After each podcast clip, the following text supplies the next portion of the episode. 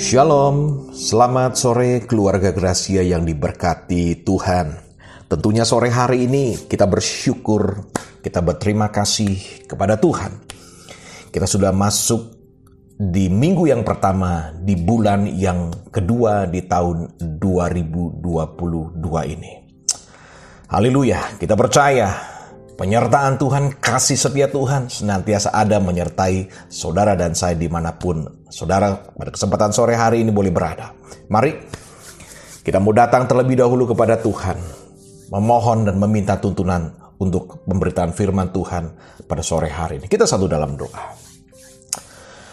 Bapak kami mengucap syukur, kami berterima kasih untuk kesempatan yang begitu indah pada kesempatan sore hari ini ya Bapa. Dan kami bawa hati kami ke dalam tanganmu ya Tuhan, menyerahkan semuanya ya Bapa di dalam tuntunanmu dan urapan kuat kuasa roh kudusmu atas pemberitaan firman Tuhan pada kesempatan sore hari ini. Dan kami percaya bukan satu kebetulan kalau kami sore hari ini boleh diperdengarkan firmanmu lewat program Mutiara Jiwa.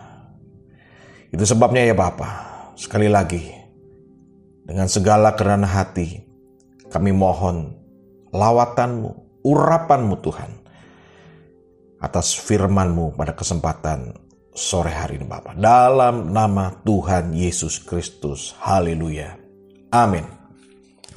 Saudaraku keluarga Gracia yang diberkati Tuhan, kita sudah masuk di minggu yang pertama, di bulan yang kedua di tahun 2022. Haleluya. Tanpa terasa itu kita semua boleh lalui sore kasih Tuhan. Saudaraku, pemberitaan firman Tuhan pada kesempatan sore hari ini terambil di dalam kitab Yeremia. Kitab Yeremia 17 Yeremia 17 kita mulai baca ayat yang kelima sampai dengan yang ke-8. Kalau ada di antara saudara pada kesempatan sore hari ini berkesempatan untuk bersama-sama membaca firman Tuhan, saya mengajak di mana pun saudara boleh berada, kita boleh membaca ayat demi ayat daripada Yeremia 17 ayat yang kelima sampai yang ke-8. Baik, beginilah firman Tuhan, terkutuklah orang yang mengandalkan manusia, yang mengandalkan kekuatannya sendiri, dan yang hatinya menjauh daripada Tuhan. Ia akan seperti semak bulus di padang belantara. Ia tidak akan mengalami datangnya keadaan baik. Ia akan tinggal di tanah angus, di padang gurun, di negeri padang asin yang tidak berpenduduk. Diberkatilah orang yang mengandalkan Tuhan, yang menaruh harapannya pada Tuhan.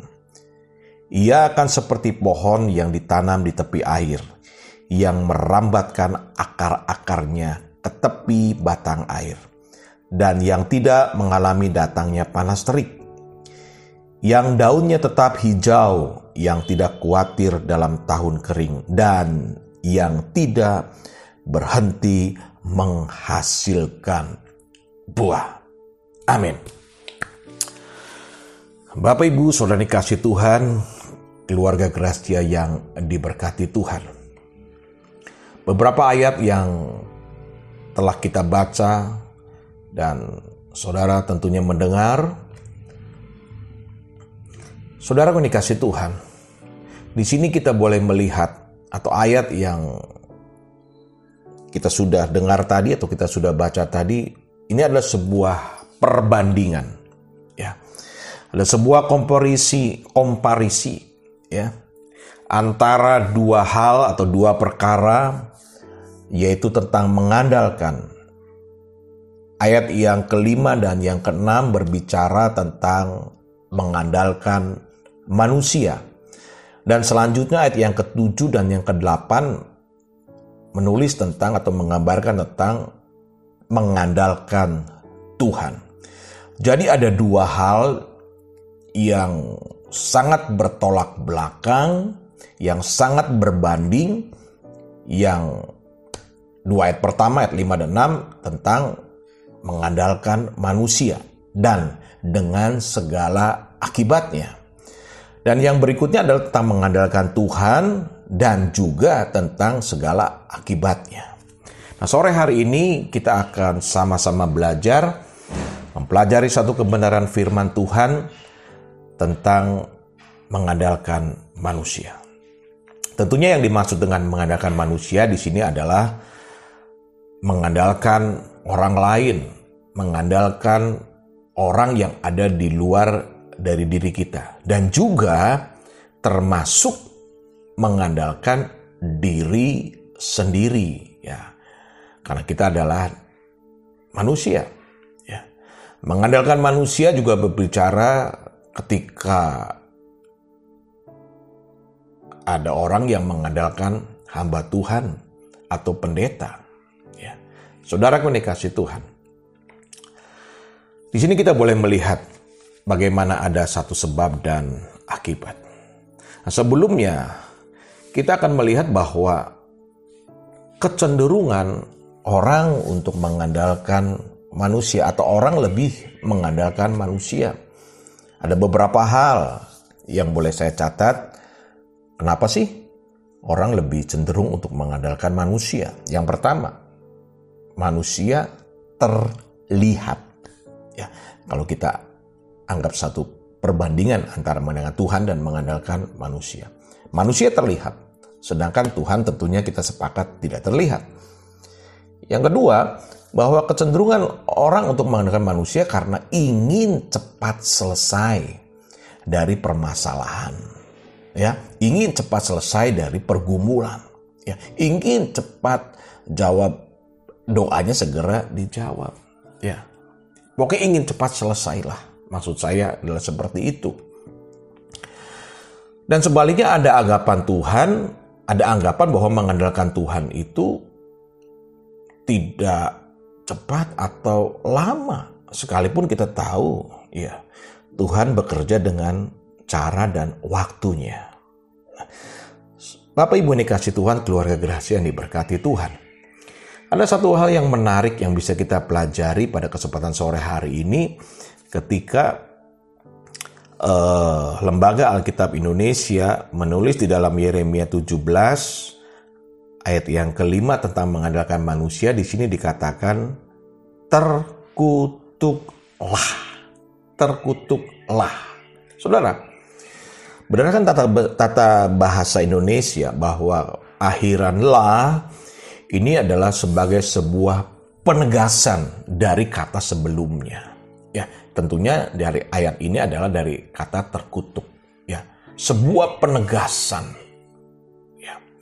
Dan menarik ya, kenapa di sini dikatakan dengan atau memilih sebuah kata terkutuklah.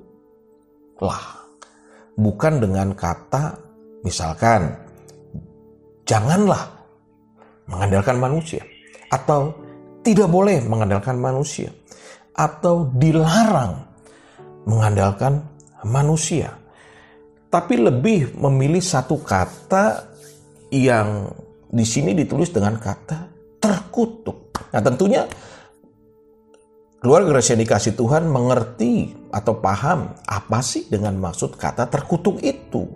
Ya, sekali lagi, Alkitab tidak menulis dengan kata janganlah mengandalkan manusia, tidak boleh mengandalkan manusia atau dilarang mengandalkan manusia. Ya, bahkan Bapak Ibu dikasih Tuhan ketika saya mencoba mempelajari uh, dengan beberapa terjemahan Alkitab dari uh, bahasa Inggris dan bahasa Indonesia, ada tujuh versi terjemahan dalam bahasa Indonesia dan sepuluh versi dalam bahasa Inggris.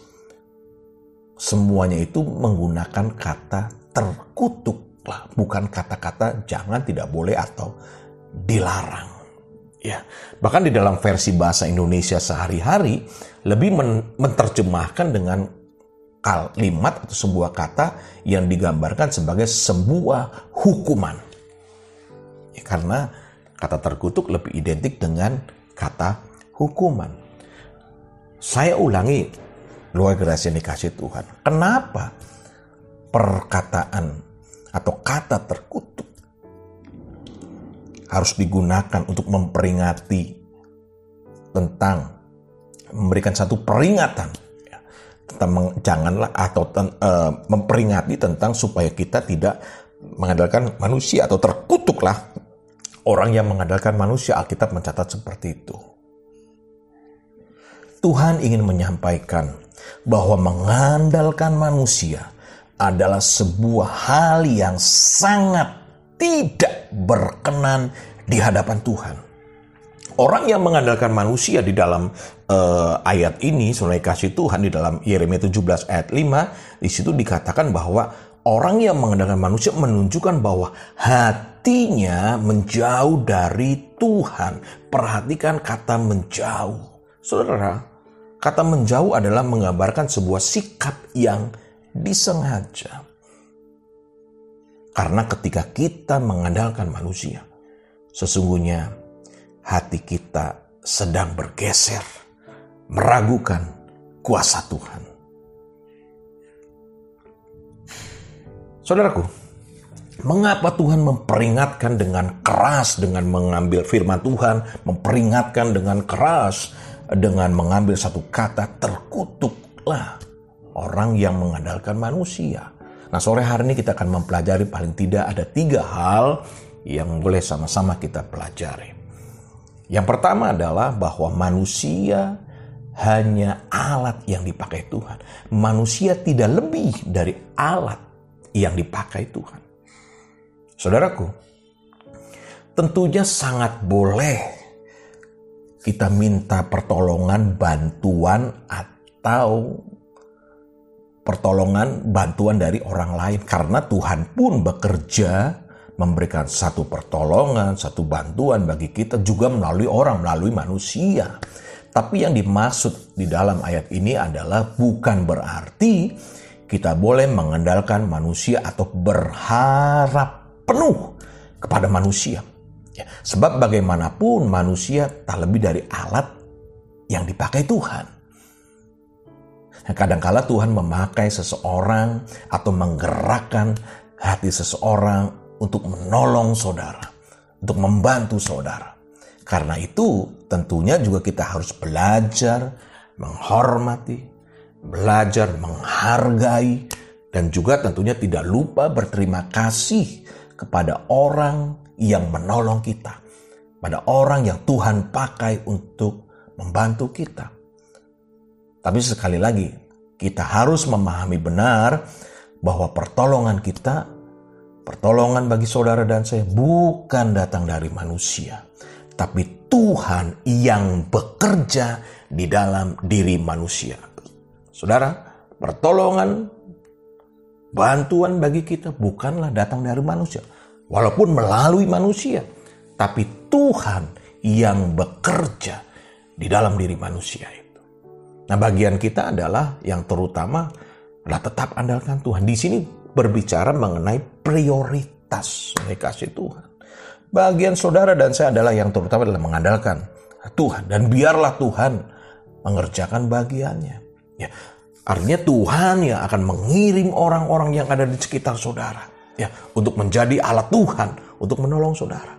Ya, bagian saudara dan saya adalah tetap dengan iman kita berseru kita tetap prioritas utama kita adalah Tuhan. Dan manusia adalah hanya alat Tuhan.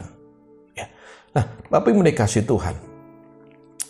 Sekali lagi, Tuhan memakai atau mempertemukan orang-orang yang ada di sekitar saudara untuk menjadi alatnya, untuk menolong kita ketika kita membutuhkan pertolongan. Yang kedua, Bapak Ibu dikasih Tuhan, kenapa kita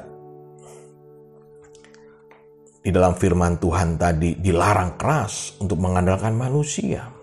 Yang kedua adalah karena kekuatan dan kemampuan manusia sangat terbatas. Ya, kekuatan dan kemampuan manusia sangat terbatas. Yohanes 15 ayat yang kelima firman Tuhan berkata, Akulah pokok anggur dan kamulah ranting-rantingnya. Barang siapa tinggal di dalam aku dan aku di dalam dia, ia berbuah banyak. Perhatikan ayat selanjutnya.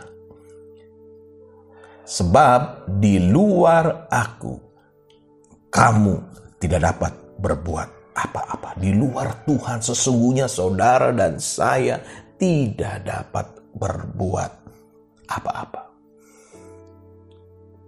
Kekuatan manusia semua pasti ada batasnya. Saat ini mungkin ada di antara kita yang mengandalkan kesehatannya. Tetapi pada saatnya nanti ya bisa satu saat tiba-tiba saudara atau kita tidak bisa sehat lagi. Sangat mungkin ya yang tadinya sehat tiba-tiba kita diserang satu penyakit. Misalkan penyakit jantung atau penyakit-penyakit yang lainnya yang datangnya itu begitu tiba-tiba sudah kasih Tuhan. Yang kelihatannya kita sehat-sehat saja pada awalnya. Atau dengan berjalannya usia kesehatan kita itu menurun. Ya. Hari ini yang engkau pakai adalah minyak wangi. Tapi suatu saat engkau akan pakai minyak angin oleh kasih Tuhan ya. Banyak yang orang yang usianya sudah mulai uh, menua oleh kasih Tuhan tentunya tidak luput dari atau selantiasa kadang-kadang banyak yang membawa minyak angin sungai kasih Tuhan. Nah, saat ini mungkin engkau mengandalkan hartamu. Engkau mengandalkan apa yang engkau miliki. Ya. Tetapi itu semua tidak kekal. Ya. Kalau Tuhan izinkan apa yang kita miliki, materi, harta kita, itu bisa lenyap dalam sekejap kalau Tuhan mengizinkan. Matius 6 ayat 20 mengingatkan tetapi kumpulkanlah hal bagimu harta di surga. Di surga ngengat dan karat tidak merusakkannya dan pencuri tidak membongkar serta mencurinya. Sebuah nasihat bagi saudara dan saya. Kumpulkanlah bagimu harta di surga. Boleh-boleh saja saudara mengumpulkan harta untuk masa depan saudara, masa depan anak-anak saudara, keluarga saudara. Tentu tidak dilarang saudara menabung, memiliki uang lebih untuk didepositokan dan sebagainya. Tetapi yang terutama adalah kumpulkan bagimu harta di surga. Berikutnya saat ini engkau mungkin mengandalkan fisikmu. Tetapi pada saatnya nanti rambut hitam legamu akan menjadi putih. Kulit kencangmu akan menjadi keriput. Barisan gigimu yang dahulu dahulu rapi, tertata rapi. Mungkin saat ini mulai berkurang alias ompong oleh kasih Tuhan. Nah, dari semua ini saudara kasih Tuhan, artinya umur kita ada batasnya, kekuatan fisik kita ada batasnya, kesehatan kita ada batasnya, harta kita juga ada batasnya, kepintaran kita pun ada batasnya. Semua yang dimiliki oleh kita sebagai manusia ada batasnya atau sangat terbatas. Hanya Tuhan yang kita sembah yang kasih dan kuasanya tidak terbatas. Amin, saudaraku. Haleluya. Yang terakhir, mengapa kita dilarang keras? Tuhan memperingatkan untuk tidak mengandalkan manusia. Yang berikutnya, yang ketiga, yang terakhir adalah karena hati manusia cenderung mudah sekali berubah. Hati manusia cenderung mudah sekali berubah. Apalagi kalau yang terkait dengan janji. Suatu hari ada orang yang pernah berkeluh kesah. Ya, ada orang yang berkeluh kesah, ya. ya dia berkata ada seseorang yang katanya janjinya mau bantu Ada seseorang yang e, berjanji kepada dia katanya mau menolong. Tapi kok apa yang dikatakan tidak sesuai dengan kenyataan. Ketika orang tersebut menagih janji kepada orang yang memberikan janji tersebut, orang yang pernah berjanji itu beralasan, ya soalnya kamu sekarang bikin jengkel, sekarang kamu bikin sebel, ya. Uh, saya jadi malas untuk nolong kamu, saya jadi malas untuk bantu kamu dan dengan berbagai macam alasan. Ya. Ada orang waktu bekerja sama atau join merintis sebuah usaha, pada awalnya hubungan mereka berjalan dengan baik, tetapi saat keadaan usahanya mulai berubah, berubah menjadi berkembang, menjadi maju, menghasilkan satu keuntungan yang banyak. Ya, ada yang awal yang hubungannya baik malah menjadi tidak baik karena urusan materi, karena urusan bagi hasil. Ya. Ada yang karena mengejar harta hubungan persaudaraan menjadi pecah. Karena mengejar jabatan awalnya kawan menjadi lawan. Nah, saudaraku keluarga Gracia yang diberkati Tuhan dari beberapa contoh di atas menggambarkan betapa atau manusia memiliki kecenderungan hatinya itu bisa berubah. Janji yang selalu dan pasti ditepati adalah janji Tuhan terhadap saudara dan saya. Kasih yang tidak pernah berubah adalah kasih Tuhan terhadap saudara dan saya. Allah itu baik, sangat baik dan teramat baik. Dahulu, sekarang, dan selama-lamanya. Itu sebabnya tetap andalkan Tuhan dalam segala sesuatu. Amin. Tuhan memberkati kita semua. Kita satu dalam doa. Bapak kembali kami mengucap syukur, kami berterima kasih kepada Tuhan. Allah Roh Kudus, berikan kemampuan, tuntunan, pimpinan, bahkan kekuatan kepada kami sebagai umatmu Tuhan. Untuk kami boleh menjadi pelaku firman-Mu ya Bapa. Secara khusus Engkau sudah memperingatkan kepada kami untuk kami tidak mengandalkan manusia. Tapi di atas segala sesuatunya kami boleh mengandalkan Engkau ya Bapa. Karena manusia hanya sebagai alat. Karena manusia hatinya bisa berubah. Karena manusia yang sering kali kami andalkan Soleka adalah manusia yang mempunyai keterbatasan. Terima kasih Tuhan. Terima kasih Engkau memberkati setiap umatmu, setiap pendengar dari radio suara Gracia ya Bapa. Terlebih juga Engkau memberkati radio ini. Engkau memberkati seluruh pengurus setiap anak-anakmu yang ikut ambil bagian di dalam program program-program yang ada di yang ada di radio ini ya Bapak. Tuhan senantiasa memberkati mereka semua untuk menjadi berkat bagi hormat dan kemuliaan nama Tuhan. Terima kasih. Demi nama Tuhan Yesus Kristus, kami berdoa kami mengucap syukur. Haleluya. Amin. Demikian Bapak Ibu ini kasih Tuhan, keluarga gerasi yang diberkati Tuhan. Dan biarlah firman Tuhan ini menjadi satu rema bagi kita semua. Dan Diberkatilah orang yang menjalankan kebenaran firman Tuhan. Tentunya kita mau kita tidak hanya menjadi pendengar, tapi kita menjadi pelaku firman. Tuhan memberkati. Haleluya.